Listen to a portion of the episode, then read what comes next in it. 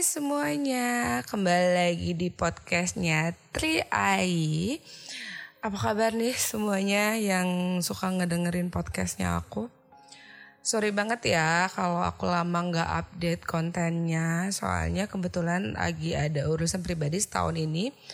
Alhamdulillah aku kebetulan mengurus pernikahan, sudah menikah dan kebetulan langsung hamil. Jadi uh, banyak waktu yang ketunda untuk melanjutin podcast. Tapi insya Allah podcastnya dari sekarang dan ke depannya bakalan dilanjut uh, dan bakalan aktif lagi. Terima kasih buat teman-teman yang setia ngedengerin, apalagi buat teman-teman yang suka nanya-nanya podcastnya masih aktif atau enggak. Makasih banget ngelihatnya bikin aku semangat buat ngelanjutin podcast. Oke, okay, so nggak usah lama-lama. Malam ini aku ada seorang narasumber cowok. Uh, dia mau cerita-cerita, curhat-curhat tentang kehidupannya. Di sini ada Afi. Halo Afi. Halo. Halo, apa kabar? Better. Better. Better than yeah. yesterday. Iya, yeah, haruslah. ya ya harus sih kalau better than yesterday ya. Gimana pandemi selama pandemi ini banyak uh, ini enggak gimana kondisi kesehatan dan segala macam? Alhamdulillah COVID masih belum sayang sama gua jadi gua masih LDR sama COVID. Oke. Okay. Iya semoga jangan sampai dekat-dekat ya nggak enak soalnya gue udah kena. Amin. Udah kena ya. udah pernah. Aduh, oke. Okay. Kebetulan nggak kerja jalan terus, nggak pernah ada WFH dari awal. Oh aduh. Maklum kuli gitu lah. Pejuang rupiah ya. ya kurang lebih gitu. ya nggak apa-apa, semoga rupiahnya berubah menjadi dolar. Ya. Amin, nggak tahu kapan ya. Oke okay, Afi, uh, apa nih yang mau diceritain hari ini? Oke, okay, jadi uh, eh, gue sebenarnya belum lama ini memang lihat podcastnya Ai ya. Iya, Ai. Panggil Ai aja. Ai, oke. Okay. Podcastnya Ai yang terakhir terkait dengan kalau nggak salah BDSM ya. Iya, bondage. Betul. Tapi iya. kebetulan narasumber sebelumnya itu dia apa masokis ya istilahnya? Iya, dia lebih ke submisif. Hmm, iya. Bilang sih mungkin. Ya, di uh, banyak hal sih kemarin. Saya bukan menggaris bawahi, cuman ya saya mau seperti chat juga tentang uh, point of view-nya cowok ya sebagai cowok. Mm -hmm.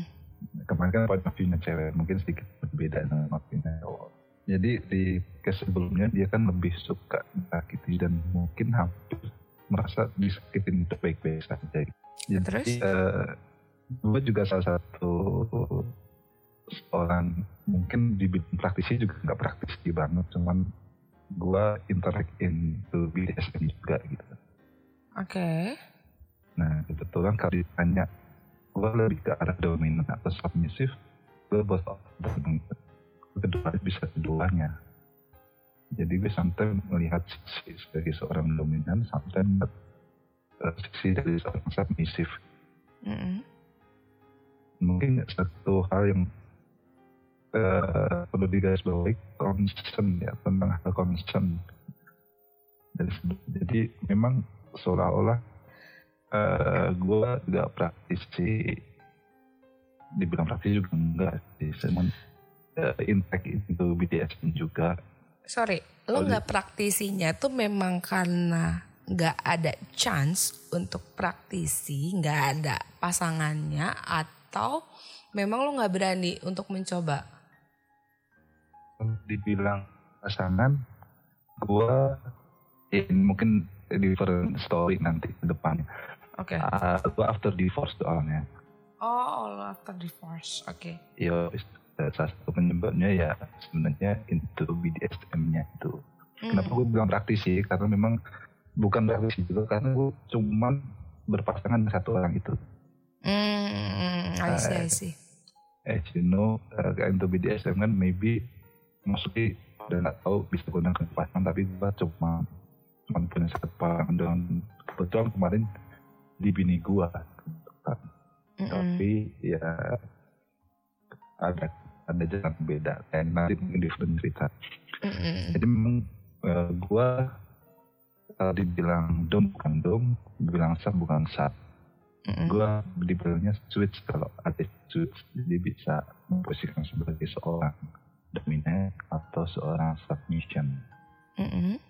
eh bilang keduanya tuh konsep ya kalau eh, kalau nggak salah itu ada satu aspek yang harus diperhatikan salah satu adalah concern atau kesepakatan kedua belah pihak.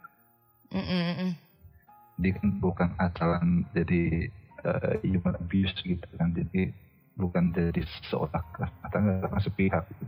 yang menyakiti ya seenaknya dia sendiri nyakitin orang terus yang sakitin gua mau begini pokoknya lu harus gini gua gitu nggak segampang itu Mm-mm. Karena kalau itu bukan pasangan kita jadinya bisa crime. Bisa Ya, itu udah abusive. iya yes kalaupun itu pasangan kita itu bisa di KRT Ya. ya jadi itu dua dua sisi. Saw yang sama-sama tajam. Mm-mm. yang satu bisa mungkin satu bisa jadi masalah. Kebetulan kalau saya lihat dari cerita uh, terakhir dari IT itu mungkin dia melupakan satu sisi itu itu concern. Sementara pasangannya untuk oh maunya diginiin terus pengen gini. Sampai pasangan kita itu nggak ngerasa nyaman dengan itu. Ya, paham. yes. Kadang karena gue juga mengalami hal itu. Pas posisi gue sebagai seorang sub uh, dom Mm-mm. saat gue punya limit yang jauh dari harapan gue. Mm. Gue mau maksain dia misal gue mau lu sampai berdarah-darah gitu. tapi gue sendiri takut dengan darah gitu jadi kan nggak ada kecocokan kalau di pasar berdarah itu sebenarnya harus perhatikan lagi kesepakatan di awalnya seperti apa jadi bukan masalah lu puas tapi gue jadi tekan atau gue tekannya puas gitu. Mm-mm. gitu. jadi eh, banyak sih eh, sebenarnya licin di dunia BDSM iya kembali lagi kalau memang seorang tip sih sudah memahami sampai aspek-aspek kesepakatan mungkin yang ada hitam di atas putih atau seperti apa pasti ada. Eh, sebenarnya kalau untuk BDSM itu nggak harus yang kayak aspek-aspek hitam di atas putih enggak sih. BDSM itu yang gua pelajari ada beberapa yang sempat gua baca psikologinya. Dia itu punya concern kan kalau BDSM itu. Jadi eh dia punya kesepakatan antara antara kedua belah pihak kayak yang lo bilang tadi. Eh ada batasan dan aturan-aturan main. Jadi kalau aturan mainnya sudah di luar batas, itu sudah abusive dan itu bisa dilaporkan. Sedangkan untuk BDSM sendiri itu ternyata eh tidak bisa dilaporkan. Karena itu kan mau sama mau kan. Gitu. Jadi sebenarnya BDSM itu setelah apa penelitian terbaru itu tidak termasuk ke penyimpangan. Cuman ada beberapa yang memanfaatkan itu ke jadi penyimpangan kayak abusive gitu. Karena ya suka melanggar batas dan aturan. mungkin karena proses 50 shades sekali ya. Mungkin atau ya kebablasan. kebablasan iya Eh, kalau cerita gue dulu tahun 2005 pas gue merantau di sini gue sempat pengen mencoba gitu sebelum gue merit ya Ah, ah. gue pengen coba dengan seorang yang mungkin di sosial media terkenal sebagai pro dom gitu. Professional dominatrix apa apa the professional mistress juga. Tapi di sisi lain gue takut. Kenapa? Ini beneran nggak ya? Kalau gue nurutin nafsu gue nyawa gue kayak gimana nih? Apa nanti penipuan ya sampai gitu?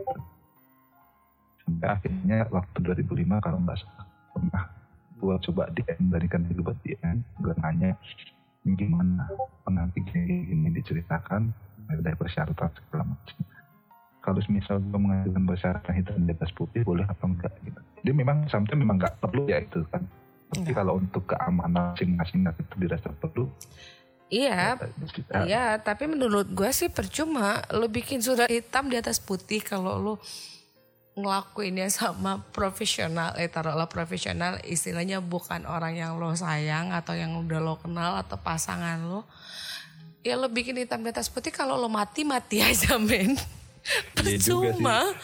Percuma itu kan pick polos gue waktu itu. Makanya kok gue bingung amat dulu ya. Pikir sampai situ gue. Ya kalau udah mati apa gunanya hitam di atas putihnya? Tengahnya keluarga gue tahu gue. gitu. Terus keluarga lo tahu lo mati karena lo nyobain BDSM. Keluarga lo bukan yang mau lapor ke polisi main malu. Iya itu dia. Kok gue bingung banget gitu. Tapi okay. Itu itu cerita masa lalu gue. Sampai akhirnya gue medit, gue belum pernah nyobain sama sekali. Oke.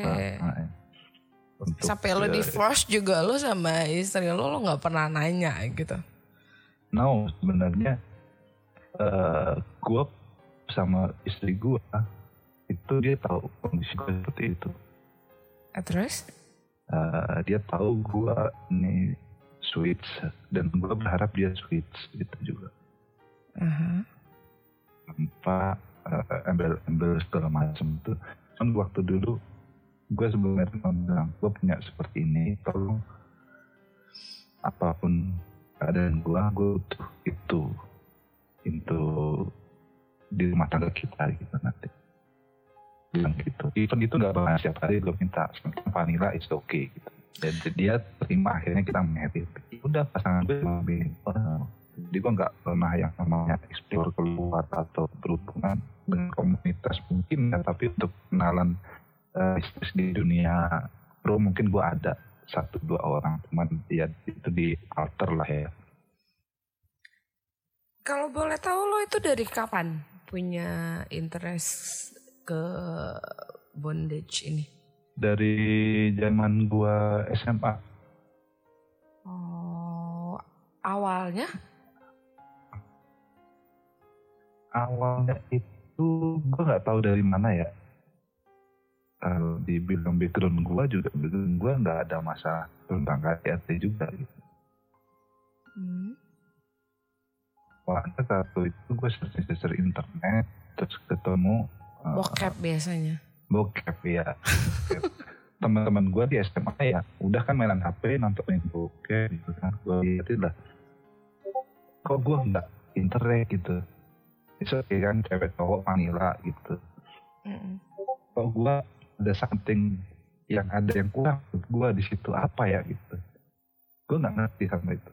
Sampai akhirnya gue searching sendiri ke internet nyewa tuh bilik gue pakai VPN gue searching searching apa ya namanya ya gitu. sampai akhirnya gue ketemu di salah satu website itu namanya BDSM Mm. nah gue baru tahu oh itu gini, gini gue cari artikelnya oh relate. Oh, berarti memang itu yang gue butuhin. Dari Hmm. situ sih gue tahunya. Tapi lo ini kan lo interestnya itu dari SMA dan lo kalau menurut sesuai dengan cerita lo itu lo interest banget. Dalam artian lo lebih memang lebih ke situ daripada ke yang biasa-biasa aja. Karena even Iya, lo nonton vanilla. yang seks biasa aja lo kayak yang ya apa sih ini? gitu kan. Tapi kalau lo selama lo hidup, selama lo berhubungan, itu lo mendapat kepuasan walaupun lo nggak nggak BDSM. Eh, biasanya gue manfaatin fetish gue nggak mengacu ke sana gitu kan BDSM kan lebih ke arah apa namanya kalau misalnya fantasi seksnya Ya BDSM itu fantasi. nah, nah fetish itu kan lebih ke arah benda kan dan gue lebih manfaatin benda yang gue punya Oh, fetish jadi lo gitu. mengalihkan pikiran lo, eh, meng- mengalihkan fantasi lo ke fetish gue fetish lo. yes. Ya sama-sama. Kalau dibilang sama-sama dua-duanya sama-sama penyimpangan gue bisa menempati itu. Oh enggak dong enggak. Oh, menurut enggak. gue fetish itu enggak penyimpangan. Semua orang di dunia ini pasti punya fetish Mas Ai berarti eh udah ya pasti dong. Ya, pasti ya. Oke see. pasti. Yang namanya itu normal ya. Karena itu apa ya gimana sih lo yang namanya kita manusia biasa lo pasti ada salah satu bagian fisik yang lo sukai dari lawan jenis lo gitu. Eh, lawan jenis atau sesama jenis gua nggak tahu ya zaman sekarang kan. Gua nggak bisa menjudge. Ya pokoknya sama pasangan lo gitu. Lah. Kalau di kanan atas ke pom, pom itu gue pasti straight lah. Iya enggak Tahu. maksudnya maksudnya kan ya ya kali nanti gua ada yang ngedenger ternyata ya kan nggak harus lawan jenis kak Iya iya betul betul betul. Oke jadi di situ tadi. gitu jadi kalau fetish sih menurut gue sih normal ya semua orang ham- eh, kalau ada yang bilang ah gue nggak punya fetish kalau nggak dia bohong dia bullshit atau dia nggak paham apa itu Iya, fetish betul. itu aja Dia belum tahu fetish dia apa. Eh, eh, gitu. Jadi ya kalau untuk BDSM gue nggak. Kalau untuk orang kayak gue yang orangnya eh, nggak berfantasi, Iya. Gue ya. bisa bilang itu penyimpangan buat gue.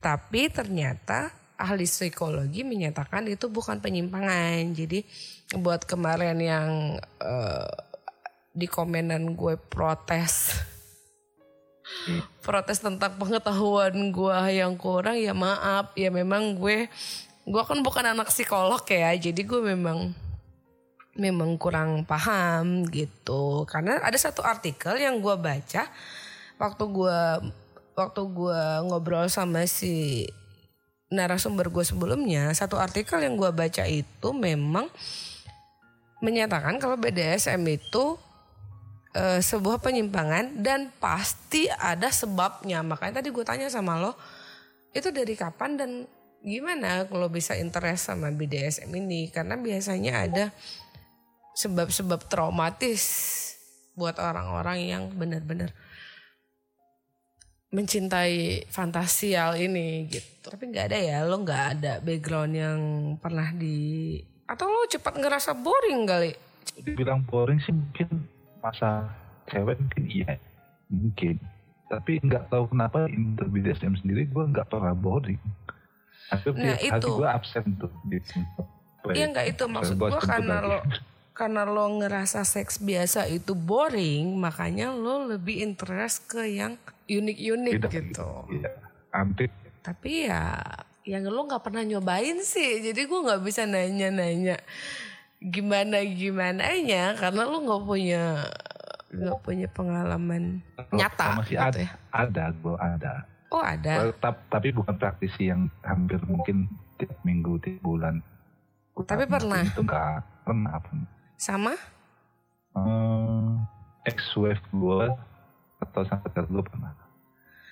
Sama mantan pacar lo, sama mantan istri lo. Yes. Ini dua orang yang berbeda ya. Iya. Oke, itu gimana tuh? Yang mana dulu ex-wife gue atau ex Eh mantan pacar dulu dong, karena kan Mantan pasti dulu. dia yang pertama kan. Iya. Jadi eh yang pertama itu gue sedikit sulit karena dia totally nggak ngerti dunia itu untuk menjelaskan gue juga susah dan itu belum ada Fifty Shades of Grey itu waktu Cir, Iya. lama banget Ke sini itu. kan, ke sini sini kan lebih gampang jelasin nggak lu tau Fifty Shades of Grey nggak gue punya fantasi kayak gitu tuh enak tuh sekarang dijelasin gitu Ya kalau film itu belum ada berarti di tahun di bawah 2010. tua Oke. banget gue ya? Kelihatan tua banget ya. Oke, terus. Oke, di bawah 2010 gue punya pacar, gue coba jelaskan itu eh, ada ketakutan di dia, tapi gue coba dengan jelaskan dengan hal-hal yang lebih ringan. Sometimes gue nonton video yang sekiranya ringan dan gue coba tunjukin ke dia. Dia sempat ketakutan tuh, gue cuma nanya, uh, you want to try gitu waktu itu di rumah dia temen dia try kebetulan gue masih masih punya dasi kan Mm-mm. pakai dasi aja gimana ya dasi anak pramuka nggak tahu kan Itu masih sekolah? iya Itu oh itu masih sekolah. iya enggak Wow. maksud gue ada gue ada di tas gue ada gue tuh waktu itu mas udah udah kuliah Oh lo udah kuliah, oke. Hmm. Gua ada di tas gua. Memang ada waktu itu buat sengaja buat explain aja ke dia, makanya gue siapin. Oh memang Biar- niat. Iya, emang niat buat ngejelasin. Mm. Dan gua model itu, gue beli juga itu. Taruh di muka. Gue coba kasihin mana coba. Oke. Akhirnya gue sebagai dan waktu itu hanya sekedar bundit ya atau uh, ngikat tuh Ya cuma ikat-ikat belum- doang. ya bukan belum mengarah ke Sibari karena simpulnya pun ya sepele. Cuma kayak ngikat rapi aja. Iya. ngikat ya, gimana perasaannya? Ngikat tangan di belakang gue tanya gimana perasaannya? Nggak berasa apa apa it's okay oke gue coba. Ya menjamah yang lain gue mencoba. Bisa menikmati nggak? Bisa. Dari situ dia mulai terbiasa dengan gue Hmm. uh, mulai terbiasa tapi ya, kebetulan ada kecocokan di luar nggak cocokan nggak cocok di luar itu ya udah kita Tapi lo nggak sampai jambak-jambak, nepok-nepok nggak ya? no no enggak sih kebetulan waktu itu memang dia awam gue belum berani masuk ke arah sana Padahal orang normal aja jambak-jambak itu biasa, apalagi BDSM. iya tapi misalnya waktu itu dia pakai jilbab nggak ketutup mbak. Bukan, maksud gua lo begituan, lo BDSM, tapi jilbabnya nggak dibuka. enggak itu kan di rumah dia di ruang tamu. Gitu dibuka masa iya dia buka jilbab di rumah? Enggak. Wah. kan gue cuman ya nyobain memang dasarnya pengen explain buat nyobain aja. Tapi nggak eh, praktek langsungnya dicobain nggak? Setelah itu, Eh, setelah lo ngajarin, apa keburu putus? Eh keburu putus sih keburu putus jadi gue belum sempat jelasin lebih jauh gitu. ya it's okay mungkin sebatas itu waktu itu Oke. mungkin next. sebenarnya atau mungkin sebenarnya dia punya oh kok dia punya penyimpangan gini gue kabur kabur dari dia mungkin gue Bisa jadi. aktif thinking gue gitu ngomongnya tapi ternyata setelah gue putus sama dia dia seolah ngilang gitu kayak nggak ada kabar apa bisa jadi kan Ya bisa jadi gara-gara itu dia takut duluan. ya, Ya takut lah pasti. i- iya pasti takut kalau orang normal pasti takut Ah nggak juga sih sebenarnya. Karena Eh, ada sebagian orang yang katanya ya balik lagi yang komen-komen di YouTube gue juga kalau lo baca-bacain juga ada beberapa yang cerita yang awalnya disuruh sama pacarnya tapi lama-lama malah dia yang ketagihan. Ada yang begitu. Iya. Ya. Karena ketidaktahuan dia ternyata dia sebenarnya interact di SF juga. Iya mungkin. Karena ketidaktahuan eh, di bawah alam sadar ya. Iya. Ada juga kan mirip oh itu ada ya oh itu penyimpangan ah gue menjauh dari dia bahaya gitu bahaya buat mental gue sendiri makanya gue menjauh dari dia aja. Temen gue sendiri juga gitu pas waktu gue cerita temen waktu kuliah gue cerita itu cowok-cowok sama cowok ya gue cuman cerita gue punya fantasi seks gitu. Kalau itu sih menurut gue lebih ke yang kurang baca ya, ya kurang maybe. Ya terlalu kolot. Maksud gue ya itu sesuatu hal yang ya pribadi lo gitu. iya Karena ya balik lagi kayak kayak gue bilang kekerasan seksual sama BDSM itu adalah dua hal yang berbeda dan harus dibedakan karena kan kalau BDSM itu ya walaupun ada yang namanya kadang maki-maki di dalam di dalam prakteknya tapi kan itu atas persetujuan kedua belah pihak. Nggak asal maki gitu. Dan tidak menghina. Betul. Terus next yang sama mantan istri? Sebelum ke mantan istri gue coba flashback dulu ke yang tadi ya.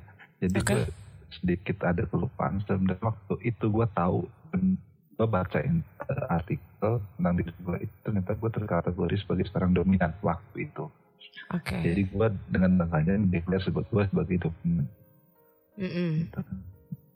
setelah dengan eh, hmm, setelah itu kan gue ketemu orang putus dari dia gue ketemu orang beberapa kali eh, melakukan hal yang sama terus kita putus. Nah sampai dengan gue akhirnya ketemu calon bini gue waktu itu gue ngomong pacaran lumayan lama sih. Kayak itu kalau kredit motor udah sampai lunas kayaknya ya lima tahun berarti Nah itu dia Kurang lebih kalau motor lunas pacaran 5 tahun Lebih gampang lagi buat explain ke dia Karena waktu itu udah ada 50 Shades of Grey Gue malah ajak dia nonton bareng di laptop berdua Ngobrolin itu Gimana menurut lu? Ada keberatan menurut sudut pandang lu gimana? Gue nanya gitu aja mancing-mancing gitu. Mm-mm. Nah, menurut gue normal-normal aja sih gitu Wah bisa nih gitu Terus gue nyoba Gue nyoba sama dia Mulai dari tali gitu kan body dance. Terus gue manfaatin masuk ke body juga gitu. Gue beli terus-terus yang Waktu itu masih jarang banget ada di Indonesia gitu. Eh, Ada namanya gag gitu kan.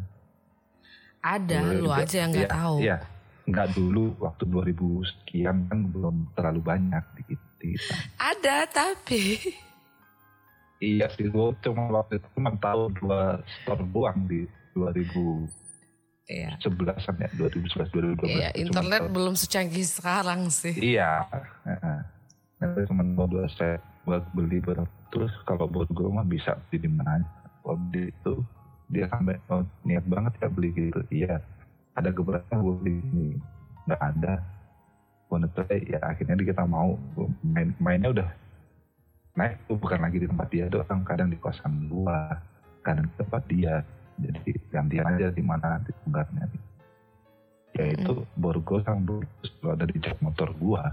Jadi kapan pun kita pengen coba ya gitu. Gua terutama gua kan gua yang dominan dan dia sebenarnya originalnya vanilla. Kapan gua pengen gua pengen nih mau nggak? Mau kalau dia mau ya kita lakuin. Kalau enggak ya bisa oke nggak apa-apa. gitu Mm-mm. sampai akhirnya kita ada kecocokan segala macam dia nggak kabur dari gue seperti yang sebelum sebelumnya ya udah akhirnya merit di tahun 2015 eh sorry 2010-an atau 2011 itu gue merit Mm-mm. 2000 berapa? 2000 eh 2011 nih buat kita 2000 berapa sih gue 2016 2016 kali. Iya 2015 2016 lah gue sama. Karena 2015. film itu aja 2015. Iya kita 2015 nah gue sama dia. Nah akhirnya di tahun lalu gue divorce. 2015. Situ 2, 3, 4, 5, 5 tahun. Iya betul. Tapi selama lima tahun itu lo nggak rutin ya? Maksudnya Nggak, sekali doang dan itu nggak, Iya cuma ringan-ringan aja, nggak sampai Iya. cambuk-cambuk, nggak sampai. Eh ya Sampai- lebih naik lagi lah levelnya gitu. Oh, Ya jadi perpacaran itu ketika gue merit gue sadar kalau gue sebenarnya bukan dominan purely gitu. hmm, gue switch nah makanya gue bilang tadi switch gue sampai butuh didominasi nah dari ketiga nah, karena istri gue tadi orang itu yang tipikal orang yang penurut segala macam. Yang awalnya gue dominan gue minta dia dominan. Kan nggak ketemu akhirnya. Susah. gitu. Jadi eh, mulai mula mula permasalahan besar itu dari situ. Di rumah tangga gue dulu. Nah, akhirnya ya kita selesai tapi bukan bukan itu aja penyebab gue bisa sama istri. Ada hal lain yang memang Hmm. mempengaruhi itu juga Salah satunya penyebabnya itu maksudnya. iya salah satunya Loh, tapi kan dia terima. iya iya itu makanya itu nanti ceritanya jadi eh, jauh jauh kejauhan nanti itu nanti mungkin di sesi yang lain ya nggak maksud gue kan eh ngelakuin nih mempraktekkan ya. dan dia itu selama selama nyobain sama mantan bini itu dia menikmati nggak menurut lo? Menurut gue dia menikmati juga. Menurut lo dia menikmati, tapi ya. dipermasalahkan. Dimasalahkan di ketika kita mau mau selesai di rumah tangga. Oh nyari-nyari alasan doang kali itu mah. Ya nggak ngerti ya. Ya karena menurut gue kalau dia nggak terima, nggak gue nggak tahu ya orang beda-beda. Tapi kalau gue uh, sama suami gue, kalau kita nggak nyaman satu sama lain, kita akan ngomong gitu, nggak mau ah begini gitu. Iya, apalagi gue dia udah tahu itu sebelum gue merit itu. Kalau nah, itu. dia dengan itu, ya udah nggak sejalan. Nah itu dan menurut gue adalah uh, lo setelah ber, pacaran berapa lama baru lo mau kasih baru lo kasih tahu? Gua sekitar dua tahunan pacaran gue kasih nah, tahu. itu menurut gue nih lo besok besok besok besok nih kalau lo niat punya pasangan lagi menurut gue. Lo kenalan itu dulu yang lo kasih tahu. Terima oh, lanjut nggak? Ya sudah gitu. Jadi oh, sebelum sebelum gitu ya. sebelum terlanjur sayang sebelum terlanjur terlanjur cinta udah kasih tahu dulu gitu. Terima lah ayo lanjut. Nggak? Ya bye gitu. Frontal banget sih kalau gitu. Ya kalau udah kelamaan kalau udah kelamaan, udah yang cewek juga nggak sebenarnya nggak terima tapi ya gue buang-buang waktu nih. Udah dua tahun. Lo nya juga diterima secara terpaksa iya. menurut gue. Iya sih memang gue juga kepikiran gitu. Setelah ini gue nggak mau lah intinya gue pacaran dulu tanpa masuk ngomong gitu gue PDKT pun gue ngomongin sebelum gue pacaran. Gue nyata sekarang begitu Iya, karena itu adalah menurut gue ya, kalau menurut gue, seks adalah salah satu part yang penting dalam hidup, apalagi dalam hidup berpasangan. Iya. Jadi dan gue tipikal uh, yang buat gue seks itu sangat perlu dikomunikasikan. Betul. Jadi jangan istilahnya uh, ini kan kita berumah tangga, kita berpacaran, kita berpasangan, istilahnya jangan ada istilah lo seks tapi kayak diperkosa gitu. Ya. Gitu karena kan kalau untuk perempuan Indonesia terutama kan banyak banget yang susah diajak komunikasi soal ini. Even sama suaminya sendiri gitu gitu. Jadi menurut gue masih merasa tabu ya. Uh, uh, aneh gitu. Tapi ya jadinya kayak yang lo lagi nggak mood tapi lo ah terpaksa gitu karena lo nggak mau berkomunikasi. Nah, jadi begitu juga dengan fantasi, fetis, gaya dan segala macam gitu menurut gue ya. Jadi kalau gue sih dari awal kalau gue tipe-tipe yang dari awal sebelum gue pacaran yang namanya seks ya diobrolin dari awal gue ya. Nggak tahu orang. Zaman PDKT udah ngomongin ya berarti. Baru kenalan udah diomongin. Halo nah gue ini gue punya fantasi gini loh gitu. Enggak, enggak, enggak, enggak lah pas PDKT udah istilahnya memang udah serak memang udah rasa suka ya ngobrol-ngobrol ringan aja dulu gitu. Kalau menurut gua karena zaman sekarang itu udah bukan hal yang bukan hal yang baru ya, tabu sih ya. Uh, uh, bukan hal yang tabu juga. Dan lo nggak perlu lagi mempertanyakan orang lo masih perawat nggak? Menurut gue itu hal yang lebih nggak sopan daripada lo menceritakan orientasi seks lo sendiri Iya.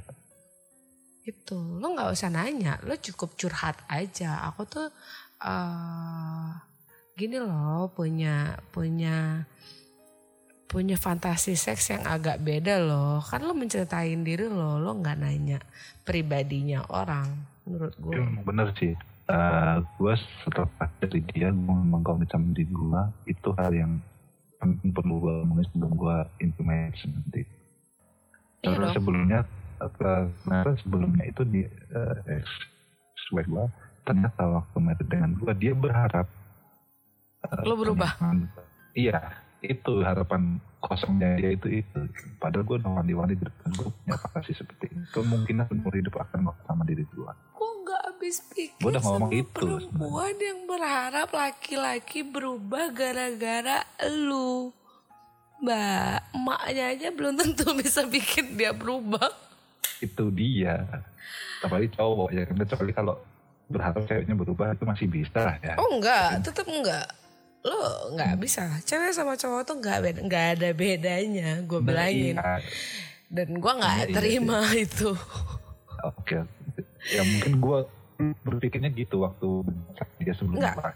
di itu gitu Pada dasarnya gini, pada dasarnya kalau lo misalnya lo berharap cewek berubah eh ini gue nih pacaran sama lo terus eh, lo lo berharap dia bisa berubah menjadi lebih baik atau lo berharap dia berubah bisa menjadi seperti yang lo mau itu adalah suatu hal yang mustahil. Why? gue pernah ngomong kayak gini juga sama sama suami gue. Sampah mau lo taruh di mana pun, lo taruh di etalase akan tetap jadi sampah. Berlian, lo taruh di tempat sampah, dia tetap berlian. iya Paham gak maksud gue? paham Jadi nggak ada yang namanya. Jadi nggak ada yang namanya seseorang bisa berubah untuk orang lain gara-gara gara-gara dia pacaran sama seseorang dia punya pasangannya ini itu ini itu. Terus dia berubah itu adalah perubahan yang semu. iya sepakat gue Itu adalah perubahan yang semu. Cewek, cowok, transgender, siapa pun non, non seks sama, semuanya sama. Karena itu adalah sifat ya. iya Karena itu adalah sifat dan karakter. Jadi eh sorry. Eh itu lebih ke ada karakter kali ya iya. Itu adalah karakter. Karakter tidak bisa dirubah, sifat bisa dirubah. sifat itu gak bisa Ya dirubah. gitu lah pokoknya. dirubah. ya, Pokoknya intinya. antara itu antara dua itu eh, iya karakter karakter tidak dapat diru karakter tidak dapat dirubah, sifat yang bisa dirubah. Kebalik, sifat tidak dapat dirubah, karakter bisa dirubah. Iya betul. Karena iya contohnya eh, ada memang kayak rokok aja gitu. Kalau rokok lu mau seandai lo jadi ngomong rokok itu nggak baik, lu berhenti rokok gitu. Ya nggak bakal berhenti kalau nggak dari dianya sendiri mau berhenti rokok. Benar. Jadi Ah. jadi stoplah stoplah buat orang-orang buat yang ngedengerin podcast ini juga buat lo buat siapa pun stoplah berharap lo ketemu lo pacaran sama orang brengsek terus lo berharap dia berubah jadi baik gara-gara lo please. Jangan. Itu bayangan semu. itu adalah bayangan semu. Kecuali dia dia seseorang yang brengsek terus dia berubah dia ketemu sama lo. Itu adalah keberuntungan lo. Iya. Tapi ingat perubahannya dia bukan karena lo karena dia iya, sendiri. Karena dia sendiri. tuh jadi ya masalah ya kayak gitu-gitu sih. Ya memang harus di iniin sih harus di mengerti sih gitu. Itu jadi kalau bini lo mantan bini lo berharap lo berubah apalagi ini untuk urusan ranjang ya. Itu menurut gue tuh adalah sus- susah, susah banget pasti. Hampir mendekati nol kemungkinan untuk berubah. Eh, eh, karena kan ya makanya tadi kan gue tanya sama lo, lo uh, fantasinya ke situ tapi lo nggak nggak dibawa ke situ gimana? Punya kepuasan apa enggak gitu? Sedangkan kita aja yang istilahnya yang fantasinya normal-normal aja pun uh, ada posisi-posisi tersendiri buat memuaskan satu sama lain gitu. Iya. Iya dong. Iya, karena, betul banget itu mah. Mm -mm, Makanya gue bilang, lu berharap, lu berharap gue berubah. Bahkan gue emosinya waktu itu bilang, apa yang udah lu kasih ke gue sehingga lu berharap gue berubah. Terus apa, saking emosi ke suasana kali ya. Tapi sebenarnya poin bukan itu gitu. Ya kayak gue waktu itu terus analogi sama rokok, gue ngerokok sampai sekarang ngerokok. Tapi gue komitmen, gue punya anak, gue berhenti apa komitmen gue sama diri gue ya kebetulan gue divorce gue belum punya anak oke. Okay. karena sampai divorce pun ini gue masih perawan. Apanya? Bini gue masih perawan. Serius? Yes. Loh lima tahun ngapain aja? Nah, jalan-jalan doang. Eh serius? Tadi katanya iya. lo nyob Eh, jadi lo yang uh, istilahnya ngikat-ngikat bini lo apa segala macam itu lo hanya mengajarkan. Uh, Sebenarnya gini. Nggak praktek saat, langsung. Nggak. Jadi gini, uh, gue kan interest gue kembali lagi, gue interest di BDSM tapi nggak selalu BDSM gue itu berujung sama seks. Dan hmm. nggak semua BDSM gue berujung sama seks itu klimaks salah satu is oke okay, tapi nggak selalu berhubungan sama seks tidak direct seks maksudnya ya, nggak selalu orientasinya seks nah gue sama bini gue itu lebih ke arah ketika gue ngelakuin itu salah satu dari kita ada yang terpuaskan udah selesai dan waktu gue pacaran dulu dan gue waktu pacaran dulu salah gue itu entah salah gue atau apa ya gue selama pacaran nggak pernah namanya mau ngotak-ngatik karya kita wanita. Oke. Okay. Karena itu mungkin prinsip gue ya. Iya. Kalau gue gak mau ngotak-ngatik hari itu, jadi gue takutnya ketika gue merit ternyata dia ada masalah di situ. Dia apa? Punya masalah di area vitalnya dia. Masalahnya? Gak bisa penetrasi.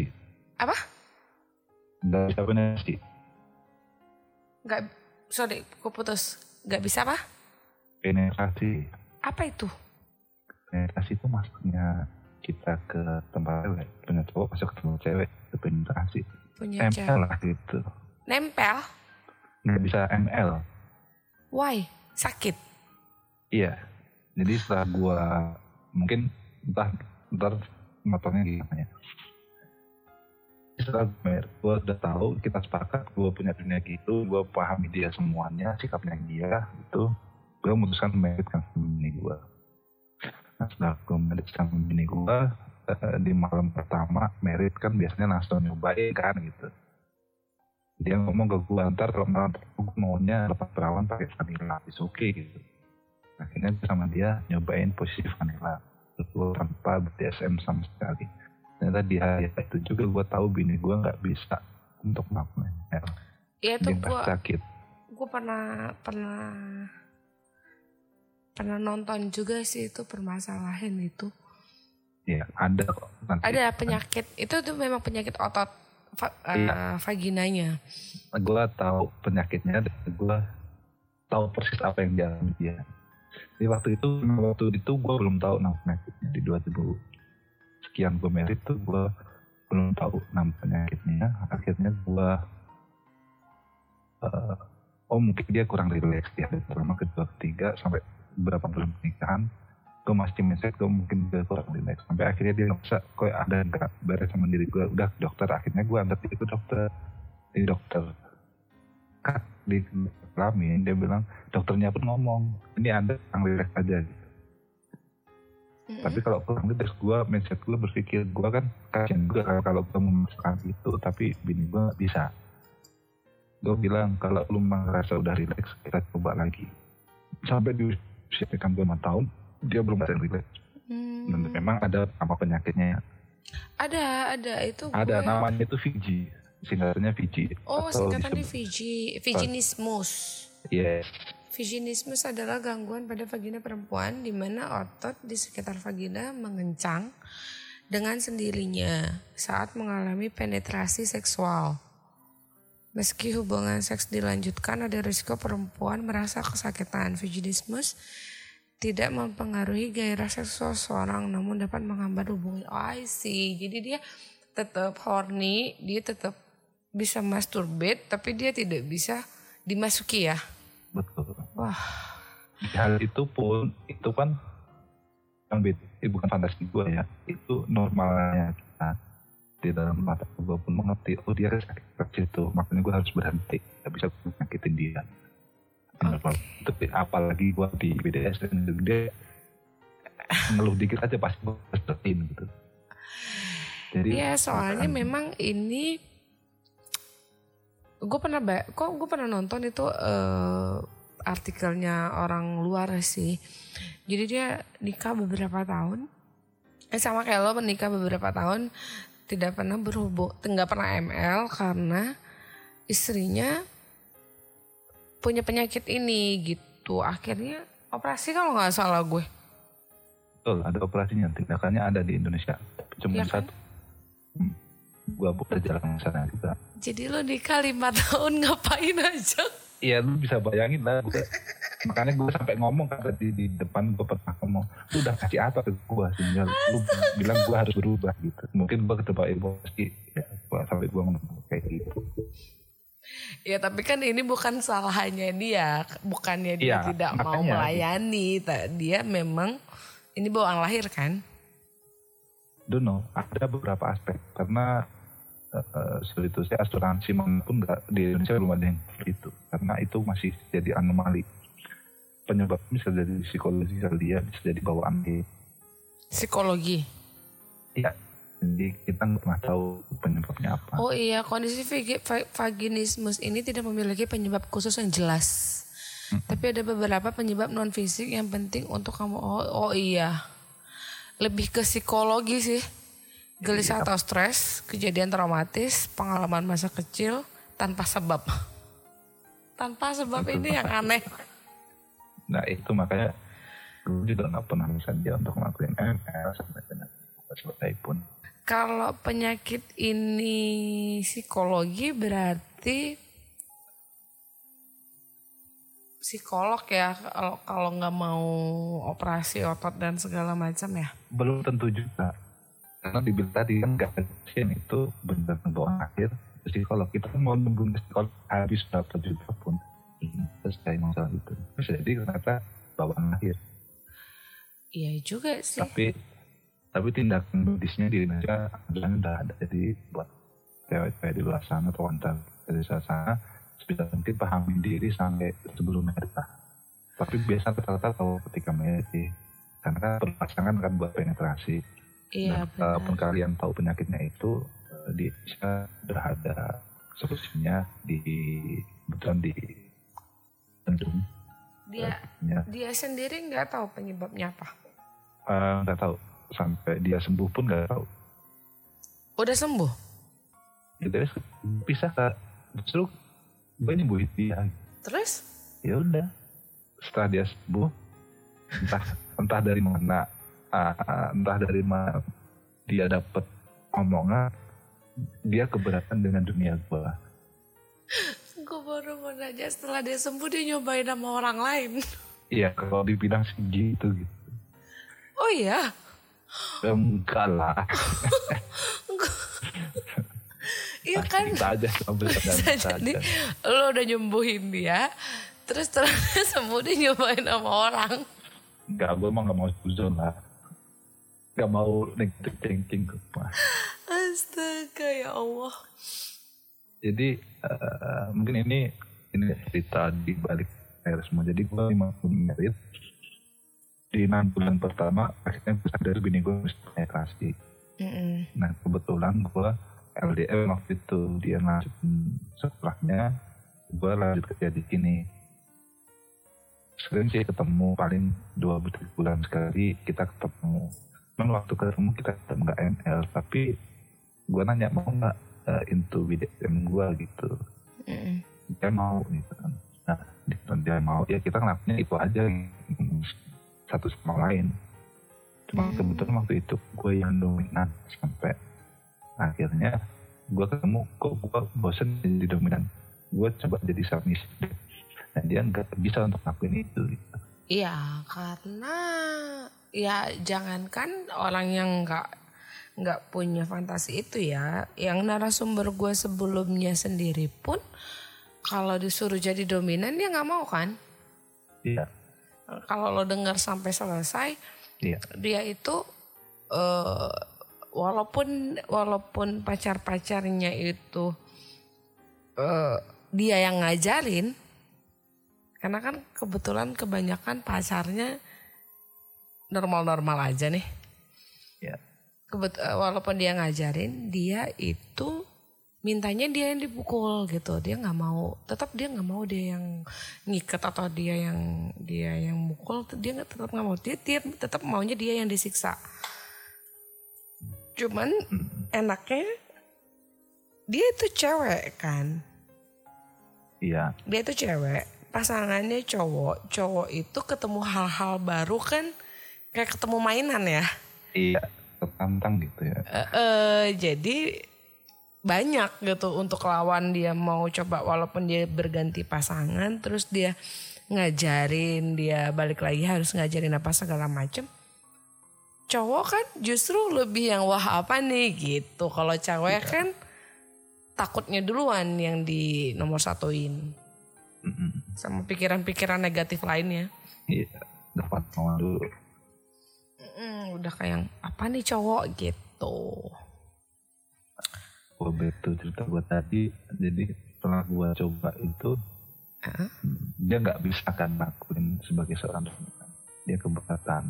Oke dia keberatan. Cuma kalau gitu mungkin gue next air ya. Kan selama ini sekian lama cuma ngikat terus ngerangsang dia. Dia ngerangsang gue dalam kondisi diikat gitu kan. Ya gitu gitu aja gitu. Belum ada permanen take a rule eh, kayak punya rule sendiri kayak aturan gini misalnya kayak ya panen reward gitu. Ya kayak kan nggak selalu tentang diikat terus dikocok keluar gitu kan. Mm. atau sebaliknya lo diikat lo ngasih gua terus saya nggak sampai seperti itu kan. Kalau di BDSM sendiri ada permainan yang kayaknya spanking nah banyak lah gue nggak tahu runtutannya karena gue balik lagi gue bukan praktisi yang mendalam gitu tapi gue suka. Dengan itu lo belum kalau menurut gue sih lo belum pernah benar-benar mempraktekkan secara seutuhnya sih karena iya. even sama mantan bini lo ya iya cuman karena lo nggak nggak ML iya mungkin ya. Jadi bisa beda jadi kan? Masalah beda kali bedanya oh beda dong pasti beda karena pasti beda ya jangan boleh pasti istilah enggak istilahnya gini deh kalau lo cuman ngelihat cewek diikat terus lo terangsang terus lo masturbate sendiri ya kenapa lo nggak nyari video-video aja sama aja dong Iya, iya sama aja. Makanya gue waktu itu mau naikin, gue main main-main dulu ya. Gue ikut, gue ngasih tas ke dia, apa tugas ke dia. Coba ambil itu dalam kondisi terikut. Ya. Kalau sampai itu jatuh, gue spend. Kalau kalau ini gue kiss atau apa gitu. Saya semacam aturan-aturan lain gitu lah. ya tetap punya aturan-aturan cuman ya kayak ya jatuhnya bukan aturan BDSM ya pak Iya main main di luar itu sih sebenarnya. Cuman maksud gua bukan sekedar Kayak main iket-iketan ya, apa bedanya gua nonton bokep tadi yang lo bilang tadi. Gak ada bedanya gitu. Kayak yang gua- lo ya bedanya lo speng beneran atau lo nyium beneran itu doang Mm-mm. Ya makanya gua bilang cukup kasihan Mau- ya hidup lo ya mungkin kalau orang mau ngeliatnya dari point of view gua ya nggak tahu kan dari point of view dia.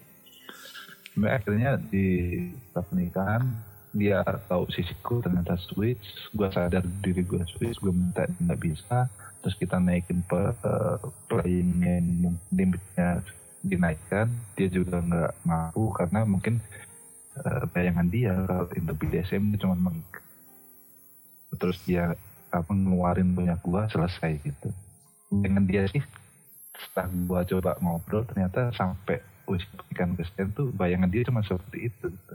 padahal udah beberapa kali uh, gue artikel kita ngobrolin itu ya gitu. kita ngobrolin itu. Dan setelah gua berapa kali ngirim artikel itu gue ngajak ngobrol kok nggak connect?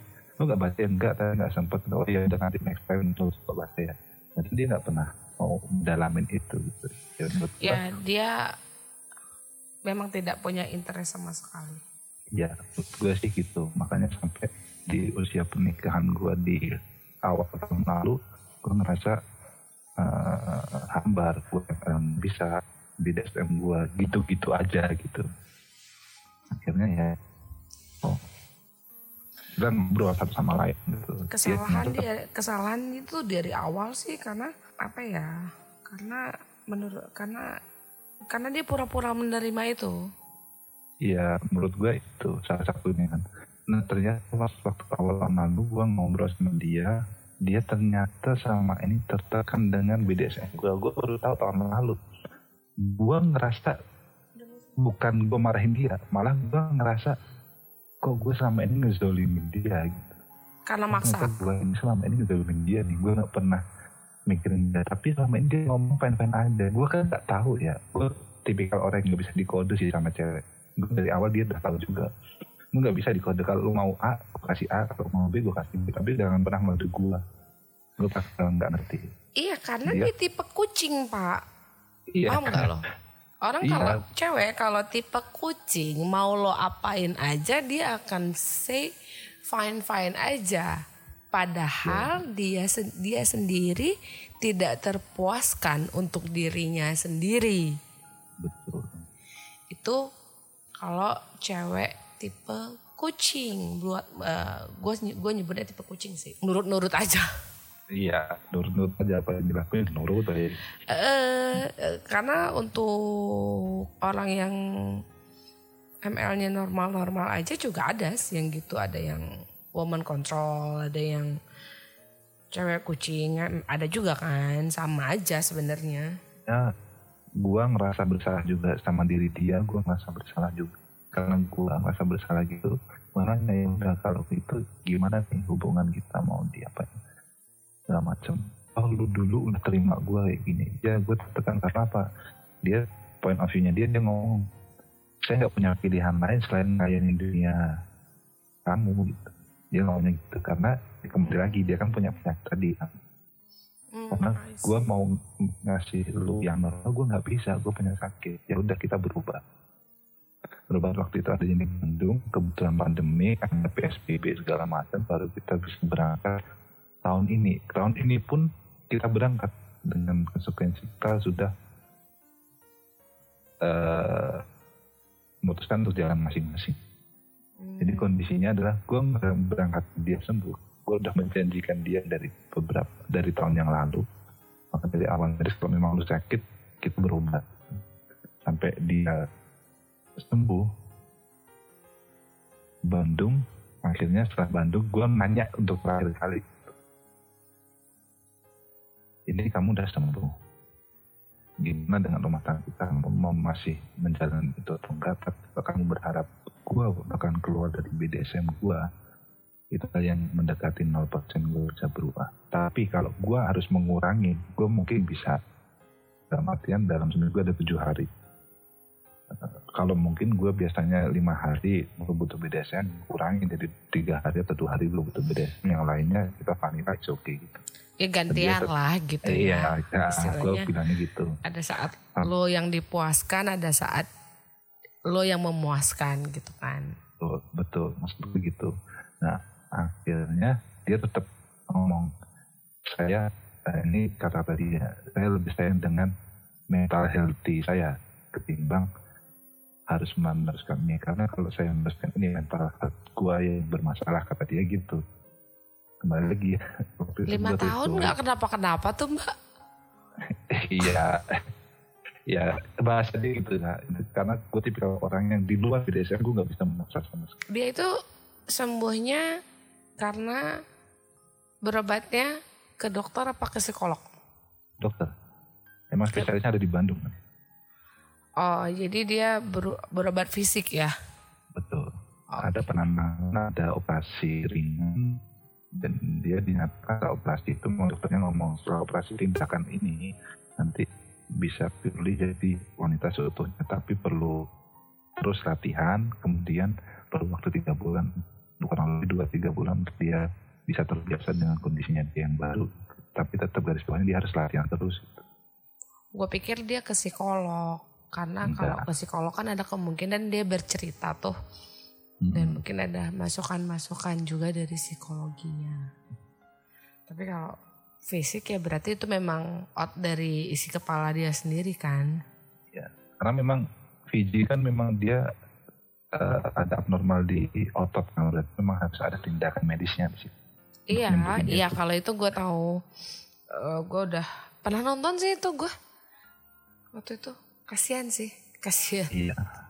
Iya kasihan dua-duanya sebenarnya sih. Kasihan dua-duanya. Sebenarnya menurut gue yang cewek lebih kasihan daripada daripada yang cowok gue ya karena ngebayangin iya. lo udah horny terus lo pas Sak bisa. Ternyata sakit itu berkali-kali lipat sakitnya.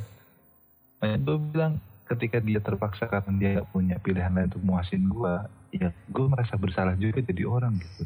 Apa sebegitunya gue gitu, jadi orang. Apa gue mikirin gue sendiri, ini rumah tangga loh bukan masalah. Gue pacaran, kalau gue pacaran masih gue egois, oke okay, ini rumah, rumah tangga udah bukan masalah. Hidup lu hidup gue tapi hidup kita gitu ya, juga gitu akhirnya ya tapi dia uh, kemarin sih sebenarnya ngomong-ngomong sebelum itu saya mau kamu ke psikolog uh, ke psikiater psikolog atau psikiater dia udah ngomong gitu tapi uh, karena gue juga baca-baca juga gue punya teman psikolog gimana untuk gue bisa ke psikolog untuk ngomongin ini gitu. Tapi kurang lebih kalau penanganannya kata temen gue yang psikolog itu balik lagi. Itu sebenarnya berawal dari kamunya mas kamunya mau beneran berubah atau enggak gitu karena gini kayak kita berangkat ke dokter kalau kita memang niat itu kan sebenarnya udah ada proses penyembuhan self healing sendiri dari dalam diri kita untuk berangkat ke dokter itu mm -mm. dokter ini lewat dokter kita sembuh tapi kemauan untuk berangkat itu yang perlu di, dimunculin tapi kalau kamu udah nggak interest buat berangkat ya mau sampai sana pun mau diobatin pakai obat apa pun nggak bakalan sembuh. Kalau ini masalahnya psikolog ya. Iya. Nah, psikologi emang begitu uh, istilahnya ya di, dari diri lo dulu aja. Betul. Ya memang gue udah karena gue udah komit ke dia, gue kemungkinan bisa sampai entah sampai kapan sampai punya anak pun gue masih punya kebutuhan ini gue udah mau itu sebelum marriage sebenarnya konsekuensi itu yang dibawa ke marriage gue kan udah gue akhirnya ngebawa itu lagi but tetap bukan nggak mau ya gue nggak tahu nanti suatu saat gue akan berubah atau enggak. Gue nggak tahu. Tapi saat ini gue yang jelas gue nggak mau. Karena apa?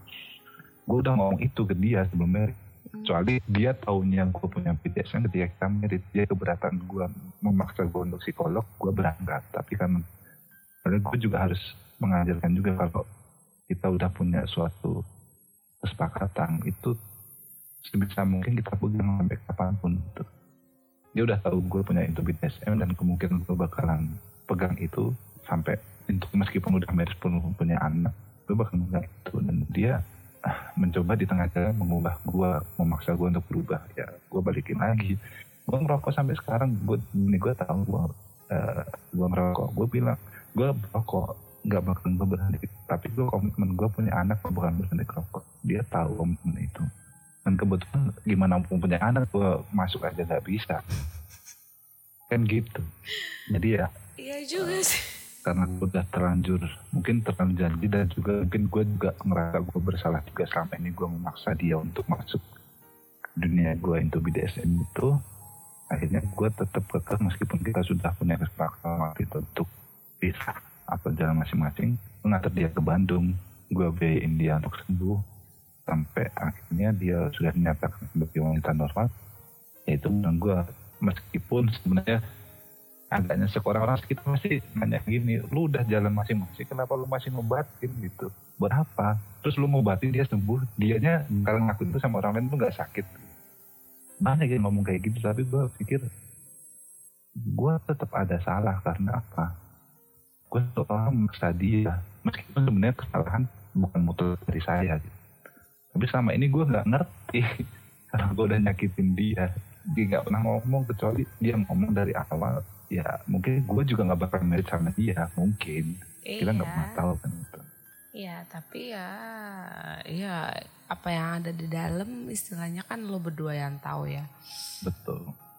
Jadi ya kalau kalau gue sih masalah lo ngobatin setelah lo divorce apa segala macam sih itu hak lo. Dan kalau lo nggak keberatan ya ya udah sih gitu. Cuman ya dia yang disayangkan adalah ketidakjujuran dari awal itu yang itu Iya. yang sangat ini sebenarnya rentan banget di rumah tangga ya ketidakjujuran dari awal.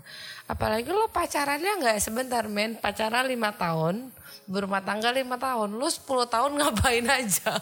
iya iya gitu lah gue juga heran gue pada nanya lu pacaran lama merit sama pacaran udah sama umurnya lu nggak sih hal yang kayak gitu dia ngomong ngapain aja ke mana aja sama dia? Gue nggak tahu gue gue pacaran mah baik-baik gitu.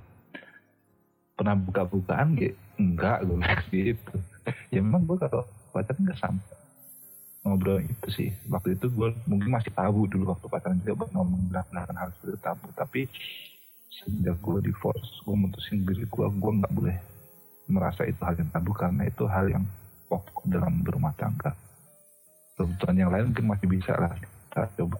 Uh, untuk mengalah satu sama lain. Tapi untuk kebutuhan pokok itu menurut gue nggak bakal ada yang bisa ngalah even itu cewek atau cowok Ya benar Menurut gua. untuk urusan itu. bukannya seks di atas segala-galanya ya? Bukan tapi mm, seks itu nomor satu buat buat menurut gue ya. Iya. Karena karena yang membedakan antara orang single dan orang berpasangan adalah seks itu satu. Kedua Iya. kedua menurut gue nih buat gue dan suami. Lo nggak punya duit lo ml lo hilang stres. Iya betul lo nggak lo lo lo marah lo apa istilahnya gimana gimana gimana lo ML sama suami lo sama istri lo. Ya lo hilang stres gitu. Jadi ya kalau lo nggak bisa melakukan itu ya gimana gitu lima tahun gue nggak punya duit gue lagi stres di kerjaan pulang-pulang nggak bisa. Udah tambah stres. Ya makanya gue kok kasian banget sama diri gue sendiri gitu. Jadi kadang gue juga mikir tapi ya mungkin itu jalan hidup gue sih tapi ya harus di ya harus berarti lo cerainya baru ya? Eh, awal tahun. Awal tahun? Mm-mm.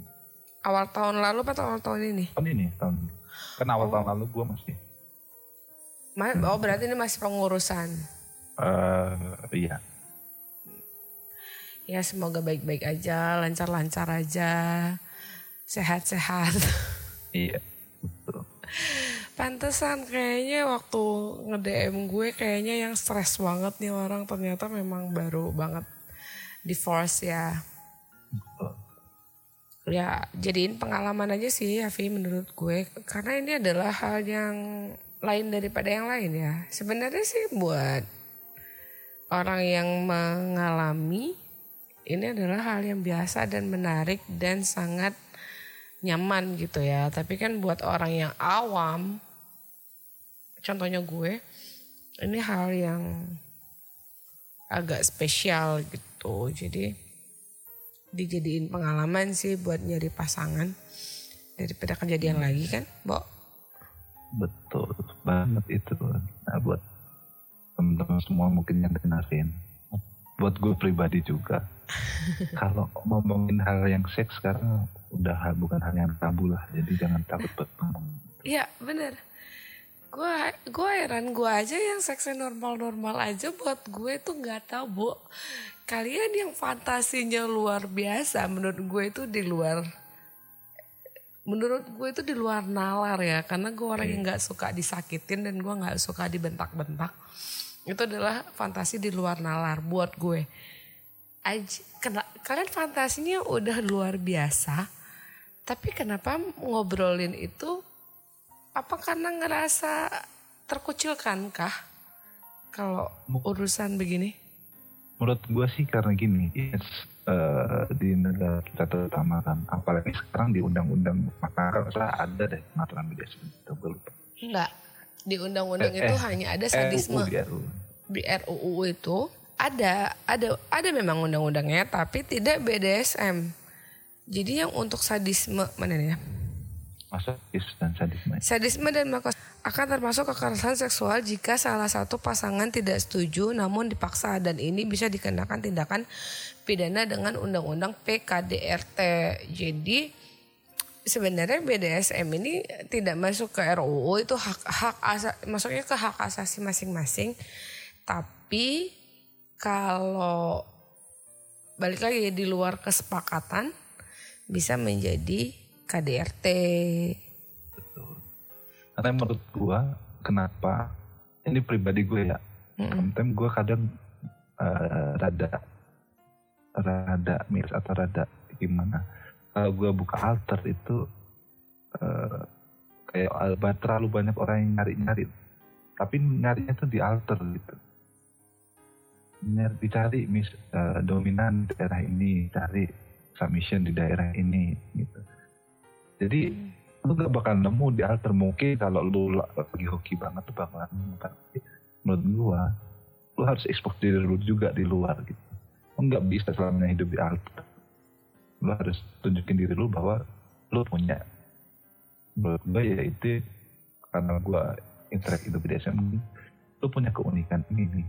Jangan malu dengan keunikan lu. Even di luar sana bakal ngejar. Karena apa di luar sana kan yang normalnya adalah vanilla. Kalau lu punya fantasi seperti itu lu bakal dijat tapi acceptance di diri lu jangan takut untuk dijat seperti itu. Kalau hmm. perlu malah diajak diskusi atau dikasih tahu dengan realnya oh ternyata itu bukan penyimpangan yang 100% KDRT lo. Karena jujur pribadi gue pribadi dulu waktu mau ngomongin itu uh, eh, gue takut image. Image-nya adalah oh ini orang punya penyimpangan nih uh, punya nanti kalau gue mati sama dia bakal KDRT ini gue jujur jujur ngomong mau ngomong itu taknya ke arah sana. Dan mungkin banyak hal orang yang di luar sana sama dengan apa yang gue alami. Tapi kembali lagi waktu pacaran PDKT bisa mungkin bicara hal yang seperti itu. Ya, karena bener. itu penting bro. Penting banget. Penting banget. Ya kebetulan kita sialnya kita tinggal sial. Kita tinggal di negara Indonesia yang sangat yang kaku ya sebenarnya yeah. ada bagusnya ada enggaknya. Cuman ya ke mana ini 2021 gitu loh kalau lo nggak jujur akan sesuatu di diri lo lo sendiri yang bakalan kena mental illness. Tuh. Iya daripada kita menderita mendingan hmm. daripada lo daripada lo ternyata lo punya punya apa punya fantasi seperti ini terus lo maksain menjadi menjadi seseorang yang normal agar dianggap normal agar diterima pasangan lo akhirnya lo menjalani kehidupan berumah tangga yang terpaksa seumur hidup. Iya. ujung-ujungnya apa? Lo justru menurut gue karena itu kan, karena ketidak ada tidak adanya kejujuran malah jadi penyimpangan beneran Betul. Yang ada main di luar. Itu satu. Kedua ada yang uh, jadi penyimpangan beneran gimana sih kayak yang dulu gue pernah ketemu orang di online temen gue. Jadi dia laki bini, gue suami istri, itu suami istri. Gue nggak tahu itu awalnya siapa yang punya masalah. Tapi mereka maunya kalau lagi ML video call, intinya ada yang nonton. Iya. Nah menurut gue yang begitu-begitu ya penyimpangan menurut gue. Exhibition ya. uh, ya mungkin sedikit mendekati exhibition mungkin ya. Iya menurut gue kayak gitu-gitu penyimpangan. Terus sama yang kayak yang dulu sempat heboh di berita yang dia grepe-grepe apa diikat tak pakai kain jarik. Jarik ya. It, kayak kayak gitu-gitu tuh yang penyimpangan. Tapi kalau untuk BDSM sih menurut gue dan walaupun ada sebagian seksologi yang menyatakan kalau ini adalah penyimpangan, tapi ada sebagian yang bilang ini adalah normal. Menurut gue ini kalau selagi sama-sama mau, sama-sama oke, okay, ya fine-fine aja sih.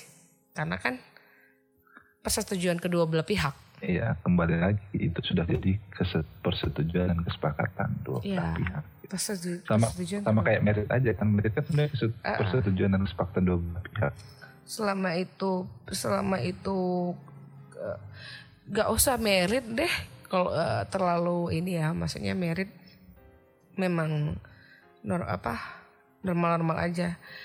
Even lo seks di luar nikah iya. Even lo berzina sekalipun selagi itu adalah kemauan kedua belah pihak lo tinggal bareng sekalipun selagi itu ke kemauan dan persetujuan kedua belah pihak itu Iya fine fine aja menurut gue ya walaupun ada hukum pidananya di Indonesia iya. yang anehnya aneh sih menurut gue aneh karena suka sama suka gitu kecuali itu. Enggak, suka sama suka ya oke okay lah gitu termasuk hukum pidana yang aneh sih walaupun ada hukum ada hukum iya. perzinaan kan ada ada Enggak sih tapi hukum perzinaan itu juga ribet sih sebenarnya buat perselingkuhan tapi kalau untuk kalau untuk uh, pacaran dan segala macam itu hukum sosialnya yang berat ya. di negara kita. Betul. Jadi uh, sama sih. Gue gue jujur gue kan meskipun sekarang gue gue ini ya kondisi kayak gini tapi lu gue masih bersyukur karena pertama usia pernikahan gue yang pertama gue belum punya anak yang mungkin divorce ya. gimana punya anak sakit gitu keduanya mungkin belum terlanjur dari usia gue yang terlalu tua untuk gue menyesali semuanya. Kan udah kepala tiga juga. Tapi kan satu hal yang bisa gue sesali. Tapi buat teman-teman semua yang didengarin ini balik lagi jangan sampai lu dapet jackpot dua dua abnormal dalam rumah tangga. Karena jujur pasangan lu Fiji aja itu udah berat loh gitu.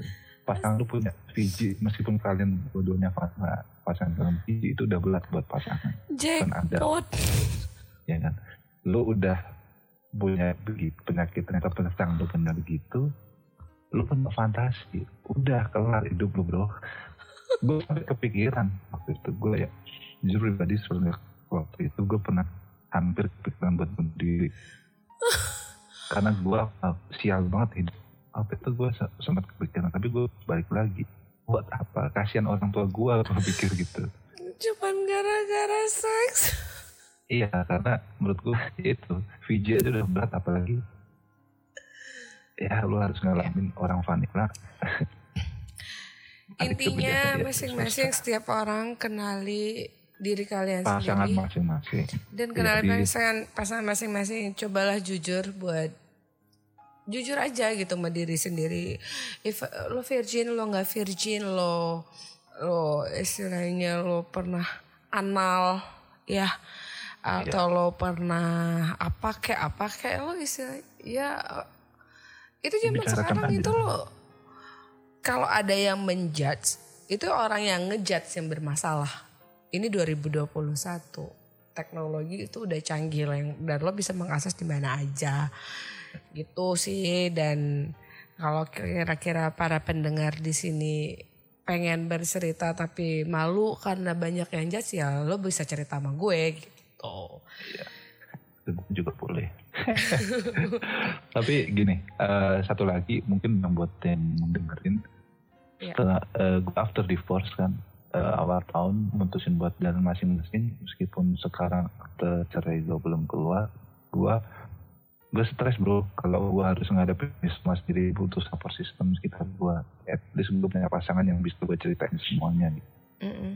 makanya gue ya mungkin ada salahnya juga karena gue aktor gue belum keluar gue udah gampangnya gue udah nyari pasangan lagi pacar lagi gitu mm -hmm. tapi jujur bro dari situ gue belajar banyak dan pacar uh, bukan belum pacar sih. Uh, PDKT gebetan. uh, gebetan gue ini gue ceritain semua tentang hidup gue termasuk kondisi gue yang duda. Dia nggak keberatan. Kondisi gue yang gue into BDSM dia nggak keberatan. Jadi sebenarnya itu udah dari benar yang lu bilang tadi ini udah 2021 lu nggak perlu takut buat ngomongin itu semua.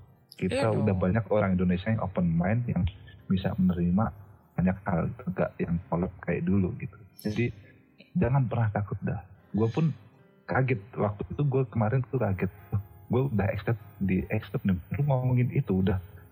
Dia udah ngomong bah- bahkan dia sendiri yang ngomong eh, gebetan gue yang ngomong.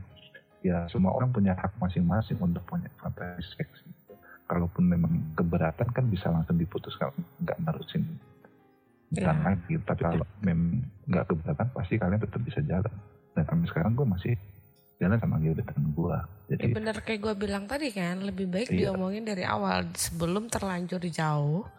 Akhirnya apalagi perempuan ya gue sangat mengerti perempuan. Lo udah terlanjur jauh, udah ter- terlanjur sayang, baru lo ngomongin sesuatu hal yang sangat penting yang kemungkinan diterimanya itu 50-50 gitu. Pada akhirnya perempuan akan menerima menerima da- menerimanya itu tapi menerima dalam tanda petik gitu. Menerima ya pura-pura menerima karena iya pura-pura udah terlanjur udah terlanjur sayang, udah terlanjur jauh atau udah kenal keluarga dan segala macem. Ya, dia kalau menurut gue sih siapa pun itu, apa pun kondisinya ya diomongin aja dari awal. Siapa tahu rezekinya ketemu yang setipe. nah itu Ya kan? Karena kan Betul. kalau perempuan yang old school terutama kalau untuk ngomongin duluan biasanya nggak mau ya. Tapi kalau udah dipancing dan ternyata setipe biasanya dia lebih open gitu. betul sekali Siapa tahu, siapa tahu dia setipe tapi ternyata dia nggak mau ngomong, nggak berani ngomong gitu. Iya, malu masih malu-malu karena biasalah mungkin cewek masa ngawalin duluan old school banget kan. Mm, gitu ya. Jadi kan ya siapa tahu rezeki ya kan. Iya, nanti jangan takut dan jangan takut. Nah, karena lebih sayang eh, perasaan lu ketimbang eh sorry lebih sayang waktu lu ketimbang perasaan lu bro gitu. Iya benar, benar, benar banget. Udah Jangan buang-buang waktu ya Allah. 2021 24 jam itu sebentar banget sekarang. iya. Lu better lu ngasih tahu sekarang kalau emang gak cocok lu cari lagi. Ya. Kayak mindsetnya dirubah gitu aja. Menurut gue ya.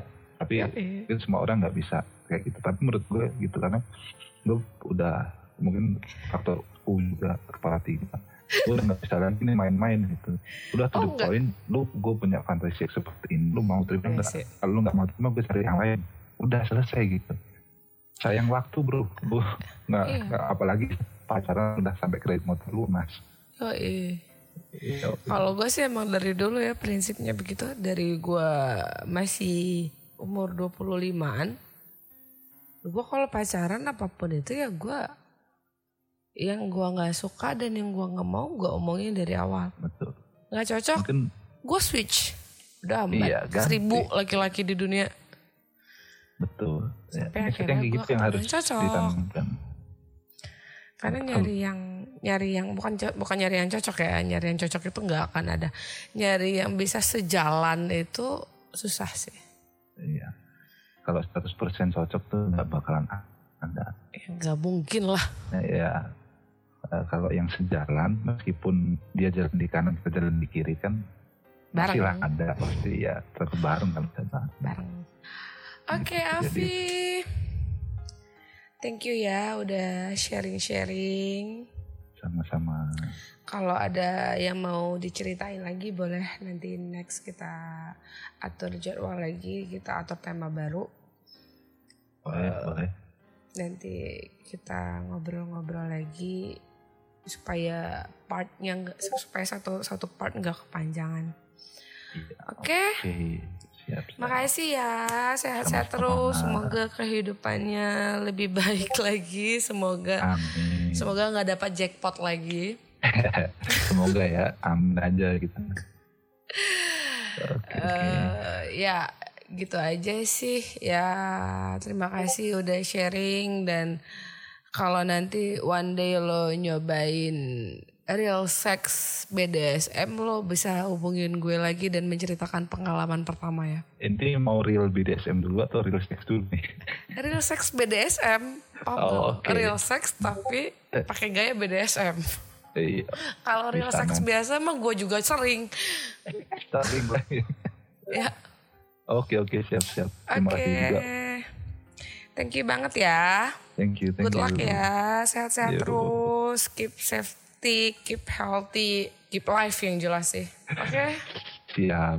Oke, Terima thank you. Bye-bye. Thank you. Bye. Itu dia tadi ngobrol-ngobrolnya sama Avi yang masalah rumah tangganya, eh, bukan rumah tangganya, masalah kehidupan seksnya yang sungguh sangat complicated menurut gue. Buat kalian nggak tahu sih. Jadi intinya dari obrolan tadi buat kalian semua yang ngedengerin ini, cobalah berusaha jujur ke diri sendiri, berusaha jujur ke pasangan apa pun kondisinya. Eh, dan jangan malu untuk terbuka. Eh, istilahnya untuk hal-hal tabu itu coba disingkirin dulu untuk kebaikan kebaikan diri kalian sendiri juga. Oke, itu aja dari aku. Kita ketemu di podcast-podcast selanjutnya. Dadah.